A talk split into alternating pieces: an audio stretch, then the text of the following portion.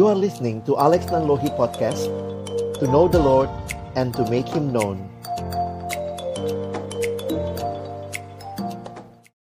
Mari kita bersama-sama berdoa sebelum kita membaca merenungkan firman Tuhan. Kami datang dalam ucapan syukur kepadamu Tuhan. Terima kasih untuk kesempatan kami bersama-sama sekali lagi boleh mendengarkan firman-Mu. Kami akan membuka firman-Mu, bukalah juga hati kami. Jadikanlah hati kami seperti tanah yang baik, supaya ketika benih firman-Mu ditaburkan boleh sungguh-sungguh berakar, bertumbuh, dan berbuah nyata di dalam kehidupan kami. Berkati hambamu yang menyampaikan, setiap kami yang mendengar, Tuhan tolonglah kami semua, agar kami bukan hanya jadi pendengar-pendengar firman yang setia, tapi mampukan dengan kuasamu, pertolongan rohmu yang kudus, kami dimampukan menjadi pelaku-pelaku firman-Mu di dalam kehidupan kami. Bersabdalah ya Tuhan, kami anak-anakmu sedia mendengarnya. Di dalam satu nama yang kudus, nama yang berkuasa, nama Tuhan kami Yesus Kristus kami menyerahkan pemberitaan firman-Mu. Amin. Shalom, selamat pagi Bapak, Ibu, dan juga anak-anak yang saya kasihi dalam Tuhan Yesus Kristus. Pagi hari ini bagian firman Tuhan dalam tema yang akan kita renungkan adalah tentang hidup dalam panggilan Tuhan. Nah, Kak Alex ingin pagi hari ini sama-sama kita boleh melihat apa sih artinya kita ada di dalam panggilannya Tuhan. Nah, kalau kita bicara Tuhan yang memanggil, mengapa ini jadi penting? Mari kita kembali sebentar melihat sejak awal Allah menciptakan kita. Allah yang menciptakan kita adalah Allah yang menciptakan kita di dalam gambar dan rupanya. God created man in his own image. Sehingga yang menarik adalah Tuhan adalah Allah yang merindukan memiliki relasi dengan setiap ciptaannya. Tuhan rindu ada personal relationship dengan setiap kita. Karena itu sebuah kutipan yang ditulis oleh Nicky Gamble. Dia mengatakan pria dan wanita diciptakan untuk hidup dalam hubungan dengan Allah. Tanpa hubungan tersebut, akan selalu ada rasa lapar, sebuah kekosongan, dan sebuah perasaan yang hilang. Jadi, kalau hari ini kita bicara tentang panggilan Allah, ini memang adalah satu hal yang betul-betul menyatu dengan penciptaan, karena Allah yang menciptakan kita, Dia punya rencana bagi kita. Kadang-kadang, kalau kita berbicara panggilan, Wah, ini kalau bicara panggilan-panggilan, orang biasanya berbicara mau jadi apa. Nah, makanya di sekolah juga ada kesempatan dibukakan tentang what next setelah dunia sekolah. Masuk melihat dunia kampus, pekerjaan, itu biasanya dibukakan. Sehingga kalau ditanya, apa panggilanmu? Biasanya orang langsung berpikir, kalau apa panggilan saya, maka saya mau jadi apa? Apa yang akan saya lakukan? Tetapi kalau kita ber, melihat lebih jelas lagi kepada tema kita, calling is not only about doing something, but about being called to somebody. Harus kita ingat yang pertama dan terutama berbicara tentang panggilan bahwa ada Allah yang memanggil kita. Nggak mungkin kita bicara panggilan tanpa bicara siapa yang memanggil. Karena itulah kita diingatkan bahwa ada Allah yang menciptakan saudara dan saya. Allah yang punya rencana yang indah bagi hidup kita. Allah yang rindu. Kita boleh menghidupi apa yang menjadi rencananya itu. Di dalam 1 Korintus 10 ayat 31, Rasul Paulus kemudian menjawab, jika engkau makan atau jika engkau minum atau jika engkau melakukan sesuatu yang lain, perhatikan, lakukanlah semuanya itu untuk kemuliaan Allah. Mari kita coba gabungkan panggilan Allah yang telah Dia mulai dengan menciptakan kita.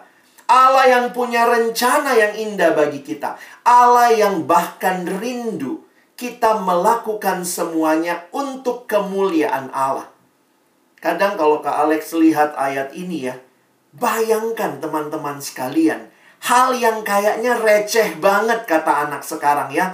Makan untuk kemuliaan Allah, minum untuk kemuliaan Allah. Maka ketika engkau dan saya merencanakan masa depanmu, berpikir what next dalam hidupmu, kiranya juga seirama dengan apa yang menjadi nafas ayat ini, yaitu semuanya untuk kemuliaan Allah. Nah, prosesnya di sini jadi menarik ya, bagaimana Tuhan memimpin kita menghayati, menyadari apa sih yang jadi panggilan saya. Nah, teman-teman yang dikasihi Tuhan, Bapak Ibu guru sekalian, saya ingin mengajak kita memikirkan bagaimana menggumulkan tentang calling kita. Jadi memang uh, bagi saya calling sesuatu yang terjadi sepanjang life journey kita. Calling is not find your calling is a journey. It's not only a destination. Karena itu apa saja hal yang terkait yang harusnya terus kita ingat ketika kita menjalani proses makin menghayati dan menemukan panggilan kita. Kak Alex ingin mengajak kita melihat tiga hal ya. Pertama, pengenalan akan Allah. Jadi makin kita kenal Tuhan, ya kita juga makin jelas dong Tuhan mau apa buat hidup kita. Yang kedua, karena ini bicara apa yang Tuhan mau kita lakukan, maka pasti juga terkait dengan pengenalan akan diri sendiri. Dan yang ketiga, jangan lupa, kita ditempatkan di sebuah situasi.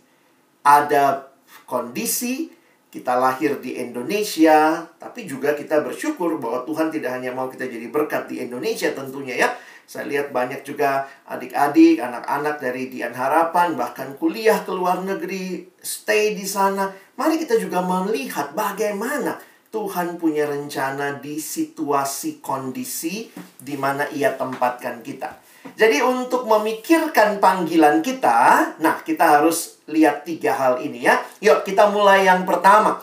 Kak Alex ingin kita belajar melihat tentang pengenalan akan Allah. Kenapa pengenalan akan Allah ini penting? Di dalam Mazmur 32 ayat 8 dan 9. Perhatikan ayatnya, saya bacakan bagi kita. Aku hendak mengajar dan menunjukkan kepadamu jalan yang harus kau tempuh. Aku hendak memberi nasihat, mataku tertuju kepadamu. Janganlah seperti kuda atau bagal yang tidak berakal, yang kegarangannya harus dikendalikan dengan tali les dan kekang. Kalau tidak, ia tidak akan mendekati engkau. Seringkali waktu kita bicara panggilan Tuhan, nah ada dua istilah. Kalau di dalam bahasa Inggris mungkin juga kita bisa lihat lebih jelas ya. Mana yang lebih tepat? Kadang-kadang kita kalau bicara soal panggilan Tuhan, kita ketemu dua istilah ini. Which one is more biblical ya. Finding God's will, mencari kehendak Allah atau knowing God's will. Ini satu pemahaman yang penting karena kalau kita berpikirnya salah, saya pikir hati-hati juga ya. Kita jadi merasa Tuhan itu sedang menyembunyikan kehendaknya dari kita. Jadi kalau kita perhatikan, Seringkali kalau kita punya pemahaman yang pertama, finding God's will, mencari kehendak Allah, ada yang berpikir begini, Tuhan itu kayak lagi ngumpetin. Wah, Tuhan nggak mau ngasih tahu. Lalu kemudian kita mesti baik-baikin Tuhan. Tuhan, apa sih? Ayo dong Tuhan, masa depanku apa sih? Nanti kalau kita udah baik-baikin Tuhan, terus Tuhan akhirnya iba. Uh, sedih deh. Oh, ini, nih, saya kasih tahu nih, saya kasih tahu nih. Kadang-kadang cara berpikir finding God's will sebenarnya tidak selaras kalau kita perhatikan dengan apa yang Alkitab sampaikan. Allah tidak sedang menyembunyikan kehendaknya lalu suruh kita nebak-nebak, lalu suruh kita bujuk-bujukin Allah, kita baik-baikin Allah baru Allah kasih tahu sama kita. Karena itu saya lebih setuju istilah kedua. Knowing God's will, mengetahui kehendak Allah. Kita percaya kepada Allah yang punya kehendak dalam hidup kita. Perhatikan lagi ayat yang kita baca tadi. Di dalam ayat ini perhatikan Allah tidak sedang menyembunyikan sesuatu. Allah berkata, "Aku hendak mengajar dan menunjukkan kepadamu jalan yang harus kau tempuh. Aku hendak memberi nasihat, mataku tertuju kepadamu." Jadi dalam hidup teman-teman sekalian, ada hal-hal yang sangat jelas kok. Allah sudah nyatakan sebagai kehendaknya dalam firman-Nya. Oh ada tentang hidup benar, hidup kudus, harus jadi berkat. Itu sesuatu yang Allah sudah nyatakan. Jadi jangan lagi bilang mana Tuhan kehendakmu. Oh Tuhan sudah nyatakan. Nah, mungkin yang jadi pertanyaan buat kita, lalu respon kita bagaimana? Khususnya ada juga hal-hal yang Tuhan tidak nyatakan dengan sangat gamblang. Misalnya, Tuhan nggak ngasih tahu ya, nanti pilih jurusan apa, nanti masuk universitas mana. Kalau kalian lihat di Alkitab, tidak ada bagian itu secara khusus. Tapi perhatikan bagaimana ayat yang ke-9 yang kita baca tadi memberikan kita konteks bagi respon yang tepat. Lihat ya ayat 32 uh, Mazmur 32 ayat 9. Janganlah seperti kuda atau bagal yang tidak berakal. Yang kegarangannya harus dikendalikan dengan tali les dan kekang. Kalau tidak, ia tidak akan mendekati engkau. Menarik ya. Ketika dikatakan berkaitan dengan Allah hendak menuntun, Allah hendak mengajar, maka respon kita jangan seperti kuda atau bagal. Perhatikan, kata yang tidak berakal. Nah, di sini Kak ingin menyimpulkan dua hal kalau kita memahami tentang hal ini. Yang pertama berarti ada bagian akal budi kita yang Tuhan berikan. Lalu, yang kedua tentunya kalau kita sudah tahu itu kehendak Tuhan, maka taati kehendaknya. Menarik sekali ayat 8 tadi berbicara Tuhan hendak mengajar. Ayat 9 mengatakan jangan seperti kuda atau bagal. Apanya yang dikaitkan di sini? Pertama, tidak berakal. Lalu kedua, tentang harus dikendalikan. Karena nggak mau taat begitu ya. Nah, teman-teman, karena itu Pengenalan akan Allah tidak berarti Tuhan memberitahu semuanya jelas sama kita. Kita lihat nanti ke mana ke mana masuk kuliah buka di Alkitab terus ketemu tekwa Yerusalem. Oh kejauhan ya. Maka apa yang digunakan? Pakai akal budi yang Tuhan kasih.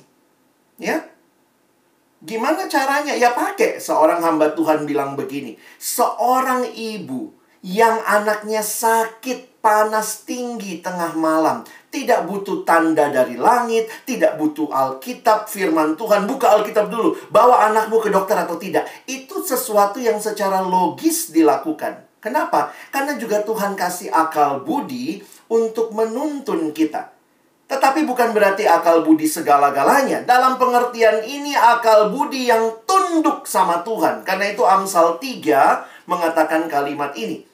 Percayalah kepada Tuhan dengan segenap hatimu dan janganlah bersandar kepada pengertianmu sendiri. Ada pengertian ada, tapi jangan bersandar pada pengertianmu sendiri. Maka ayat 6 dikatakan, Akuilah dia dalam segala lakumu, maka ia akan meluruskan jalanmu. Kita melakukan rencana, kita membuat rencana, karena kita kenal Allah kita, Allah yang memberikan akal budi. Tapi pada saat yang sama, kita berserah untuk dipimpin oleh Tuhan. Nah, jadi pengenalan akan Tuhan akan menolong kita tidak mencurigai Tuhan. Kadang-kadang orang curiga gini, kayaknya Tuhan jahat deh sama aku, Kak. Kayaknya Tuhan tuh nggak mau aku masa depannya bagus. Kayaknya Tuhan tuh nyembunyiin dari aku. Saya ketemu beberapa anak sekolah, anak SMA khususnya, SMK yang mengatakan kalimat itu. Saya bilang kalau kamu sungguh-sungguh kenal Tuhan, Tuhan rindu sekali menunjukkan kepadamu.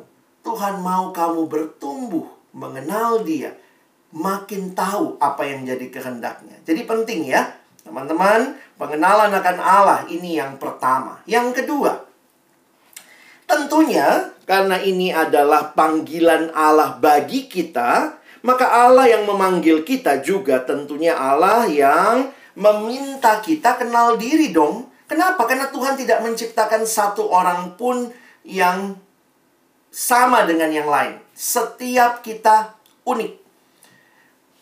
dalam satu bagian yang saya baca bahkan mengatakan begini. Panggilan setiap orang itu melekat di dalam diri setiap orang yang diciptakan oleh Allah. Ya, nah di sini kita akan melihat bagaimana mengenal diri. Di dalam satu buku yang Kak Alex pakai, dia menggunakan tiga hal untuk kenal diri. Jadi coba kita lakukan evaluasi. Nah ini bagus juga lakukan, tanya sama orang yang kenal kamu juga. Ya, jadi itu bisa kita lakukan dalam kebersamaan. Tentu kita kenal diri kita, tapi jangan lupa ada orang tua misalnya yang kenal kita, ada bapak ibu guru yang kenal kita, ada teman-teman. Nah, apa yang perlu kita gali? Nah, untuk menemukan atau memahami, ya karena nggak ada yang hilang kan, nggak usah ditemukan ya, tapi memahami calling kita, maka perhatikan tiga hal ini. Providential call, providential itu artinya pemeliharaan Tuhan yang kedua, talent call. Lihat talentamu. Yang ketiga, heart call. Lihat apa yang jadi passionmu. Nah, coba lihat. Kita mulai yang pertama ya. Jadi, coba lihat bagaimana providensia Allah. Apa sih providensia? Providensia adalah pemeliharaan Allah atas hidupmu. Buku ini ditulis oleh Paul Stephen. Dia mengatakan begini. Discerning the providential hand of God in our life, birth, family, education, personality, opportunities is part of discovering our personal vocation. Saya ketemu seorang anak yang berpikir, kayaknya saya di, diminta Tuhan jadi dokter, Kak. Loh, tahu dari mana? Dia bilang, nggak kebetulan saya lahir papa dokter, mama dokter. Jadi bisa begitu ya. Tapi ada juga yang saya ketemu papa dokter, mama dokter, anaknya nggak mau gitu ya. Dia bilang, tapi saya kayaknya nggak jadi dokter kak. Nah ini kan pergumulan tiap orang. Tapi coba lihat tangan Tuhan yang memimpin kamu. Ada lagi yang dia lihat, iya kak, nggak kebetulan loh saya itu IPS.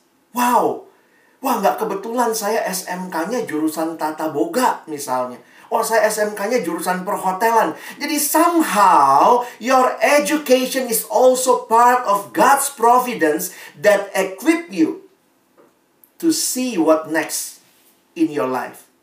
Jadi coba bisa lihat ya your family, your education, your personality ya ada yang bilang, iya saya tuh seneng ketemu orang kak. Saya nggak tahan tuh kalau Makanya nih kalau belajar akuntansi Aduh kayaknya tuh gimana ya ketemunya angka-angka gitu. Saya senangnya ketemu orang kak. Wah kalau public speaking Atau apa dia Jadi providential call karena memang Tuhan sudah memberikan itu Dalam pemeliharaannya. Jadi coba lihat ya providential call. Tapi bukan hanya providential call ya Harus digabung juga sama talent call kamu punya talenta nggak dalam bidang itu? Discerning our giftedness and talents within the divinely ordained circumstances of our lives is also part of discovering our personal vocation. Apa yang dicek? Lihat dalam hal apa saja kamu memiliki kemampuan yang baik. Jadi lihat ya, misalnya kamu pinter ngatur-ngatur. Dan itu diakui. Orang lain juga bilang iya nih kamu tuh kuatnya di sini. Mungkin papa mama juga tahu. Mungkin bapak ibu guru juga lihat wah ini talentamu. Ta yang kadang-kadang begini loh talenta itu jadi kita kan punya dua tangan teman-teman ya. Tangan kanan sama tangan kiri. Kak Alex nggak tahu nih kalian nulisnya pakai tangan mana? Kanan apa kiri? Tentunya kalau ditanya saya misalnya tulisnya pakai tangan kanan. Kalau ditanya Alex bisa nulis nggak pakai tangan kiri? Bisa juga sih tapi tidak sebagus tangan kanan. Nah, jadi coba perhatikan, adakah talenta-talenta tangan kanan yang kamu miliki? Ya, nah itu juga bisa menjadi satu petunjuk what next for your calling. Ya, tapi tidak jaga hanya berhenti di talent call, kita perlu lihat lagi yang ketiga, heart call. Jadi ini prinsip minat dan kesukaan. Jadi Roh Kudus tidak hanya memberi kemampuan, tapi juga berikan keinginan, passion, bahkan kesukaan. Jadi juga jangan berpikir, waduh dia nggak suka nih, tapi ya udah nih karena talentanya di situ. Seringkali talenta dan kesukaan itu bisa dua hal yang berbeda, tapi juga bisa hal yang sama. Saya ketemu seorang anak yang mau banget kuliah bidang musik. Tapi setelah diskusi sama orang tua, orang tuanya agak ngotot, maunya dia masuk dokter. Akhirnya dia bergumul gitu ya. Setelah bergumul, akhirnya dia bilang sama saya, Kak Alex, saya ikutin papa mama deh. Uh, dia tes kedokterannya, dan memang pinter ya waktu tes lulus gitu ya. Tapi memang uh, di sisi yang lain, passionnya dia tuh musik. Jadi talentanya dia bisa-bisa, kemampuan otaknya bagus. Tapi kalau lihat passionnya, ternyata dia punya passion di musik. Jadi akhirnya waktu itu saya bilang sama dia, gimana tuh? Dia bilang, nggak apa-apa kak. Di dalam talenta saya memang bidang kedokteran. Tetapi passion, akhirnya teman-teman dia jadi dokter tapi ngajarin musik. Dia ngajarin musik ke teman-teman anak-anak di gerejanya. Dia kadang kasih kursus musik, dia bisa gitar gitu ya. Jadi dia ngelatih. Jadi sering kali begini teman-teman ya. Tidak selamanya harus sama. Your talent is also your heart. Somehow bisa jadi your heart call itu dipenuhi dengan dengan dengan hobi ya. Jadi anak ini mengembangkan itu sebagai hobi. Tetap profesinya sekarang dokter. Tapi musik tetap jadi hobi dia. Jadi teman-teman makanya mesti gali ya, mesti lihat ya. Bahwa kalaupun kamu bilang saya kuliahnya di sini, kayaknya saya nggak minat-minat banget kak. Tetap mesti tunggu dulu. Jangan-jangan untuk minatmu, your heart call bisa jadi Tuhan minta kamu kembangkan bukan di studi, tetapi di pelayanan. Bisa begitu kan?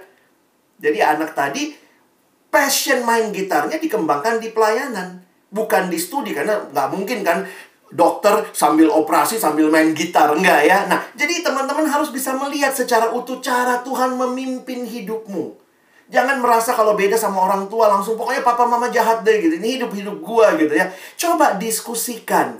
Coba lihat adakah cara lain untuk me me menikmati hard call yang Tuhan berikan. Somehow kalau Tuhan kasih pas jurusannya, pas uh, talentanya, pas uh, minatnya ya itu itu luar biasa tapi sering kali saya pikir Tuhan juga kreatif ya untuk membuat kita menikmati bukan hanya studi ya makanya lihat Paul Stephen bilang begini it is entirely ordinary for God to create a desire in your in our hearts to do the very things needed whether in the church or in the world jadi coba lihat ya, apa saja yang jadi minatmu, bebanmu, kepedulianmu.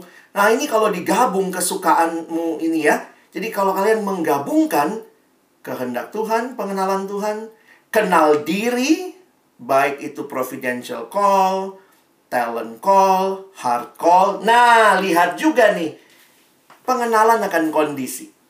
Seorang anak bilang sama saya, Kak Alex, dia masih SMA dan sekarang sudah masuk kuliah tidak kebetulan saya ini generasi pandemi. Dia wisuda SMA-nya kemarin pandemi ya. Jadi saya ini uh, lulusan pandemi. Tapi tidak kebetulan, Kak. Saya milih kedokteran.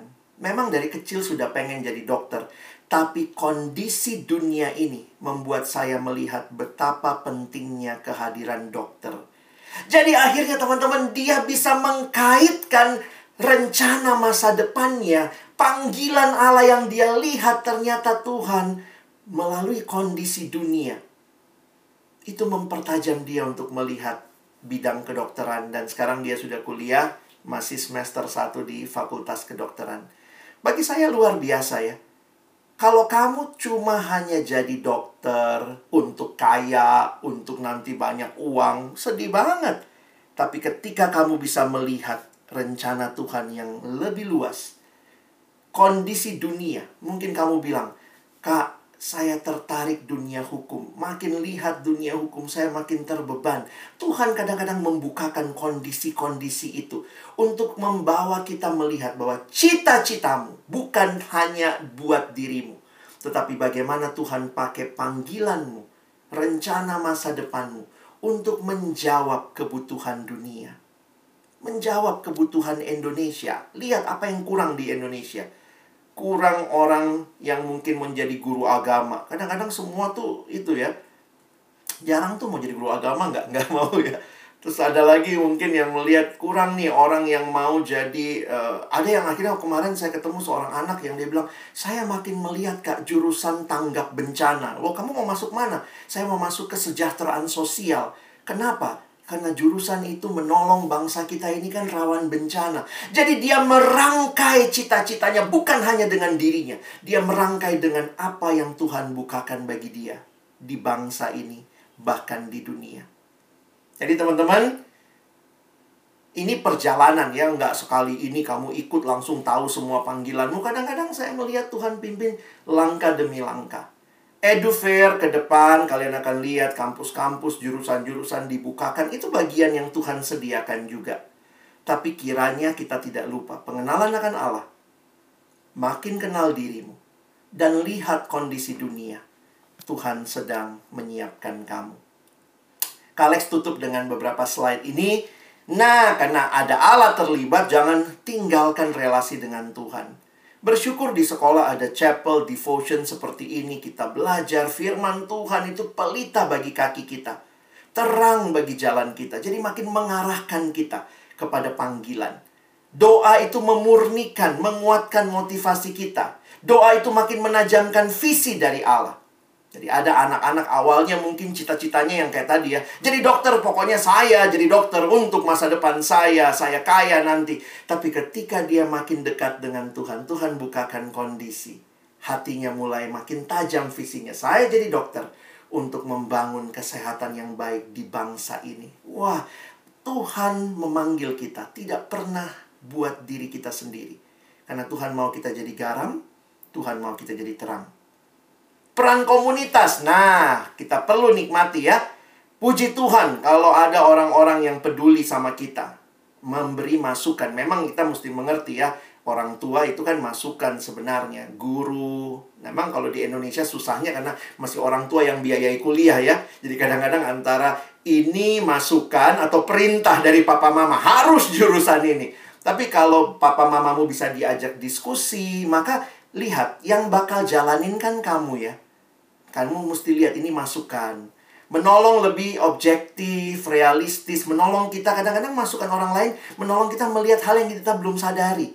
Makanya diskusi ya, jangan begitu beda sama orang tua, beda mungkin dengan hasil tes minat bakat langsung bilang, ah saya nggak mau peduli. Mari kita diskusikan supaya kita bisa lihat hal-hal yang lebih jelas. Dan bisa juga peran komunitas. Temanmu bilang, iya nih kamu memang cocoknya anak hukum deh. Wah, wah emang gue pengennya itu. Jadi kayak makin meneguhkan ya.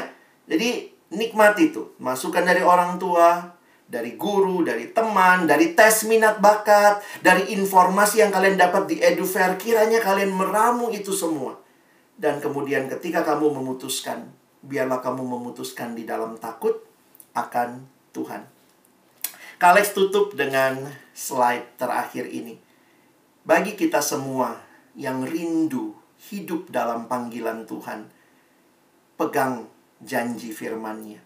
Amsal 23 ayat 17-18. Janganlah hatimu iri kepada orang-orang yang berdosa, tetapi takutlah akan Tuhan senantiasa. Coba baca sama-sama ya, walaupun Kak Alex nggak dengar, kita baca ayat 18 sama-sama. Satu, dua ya. Karena masa depan sungguh ada, dan harapanmu tidak akan hilang. Kiranya Tuhan menolong kita pada akhirnya menjadi orang-orang yang melangkah dalam masa depan bersama dengan Tuhan. Karena kita mau hidup dalam panggilan Tuhan. Amin. Mari berdoa. Tuhan terima kasih buat firman-Mu, terima kasih buat setiap hati yang meresponi firman-Mu hari ini. Mungkin kami ada yang masih takut Tuhan, masa depan kami seperti apa. Kami yang muda sering kali masih tidak tahu apa yang akan terjadi ke depan. Tetapi hari ini kami diyakinkan bahwa kehadiran Tuhan yang bukan hanya mencipta kami, tetapi terus menyertai kami hingga saat ini. Engkau Allah yang tidak pernah meninggalkan kami. Bahkan juga telah memberikan di dalam diri kami berbagai talenta, karunia, minat, bakat, bahkan pemeliharaanmu yang sempurna menjadi bagian-bagian yang bisa kami refleksikan untuk merencanakan masa depan kami ke depan. Terima kasih Engkau tempatkan kami juga tidak kebetulan di bangsa ini. Biarlah juga rencana masa depan kami kami kaitkan dengan kebutuhan bangsa ini. Kami sekali lagi bersyukur untuk firman-Mu. Tolong kami bukan cuma jadi pendengar, tapi jadi pelaku-pelaku firman-Mu. Kami bersyukur. Dalam nama Yesus kami berdoa. Amin.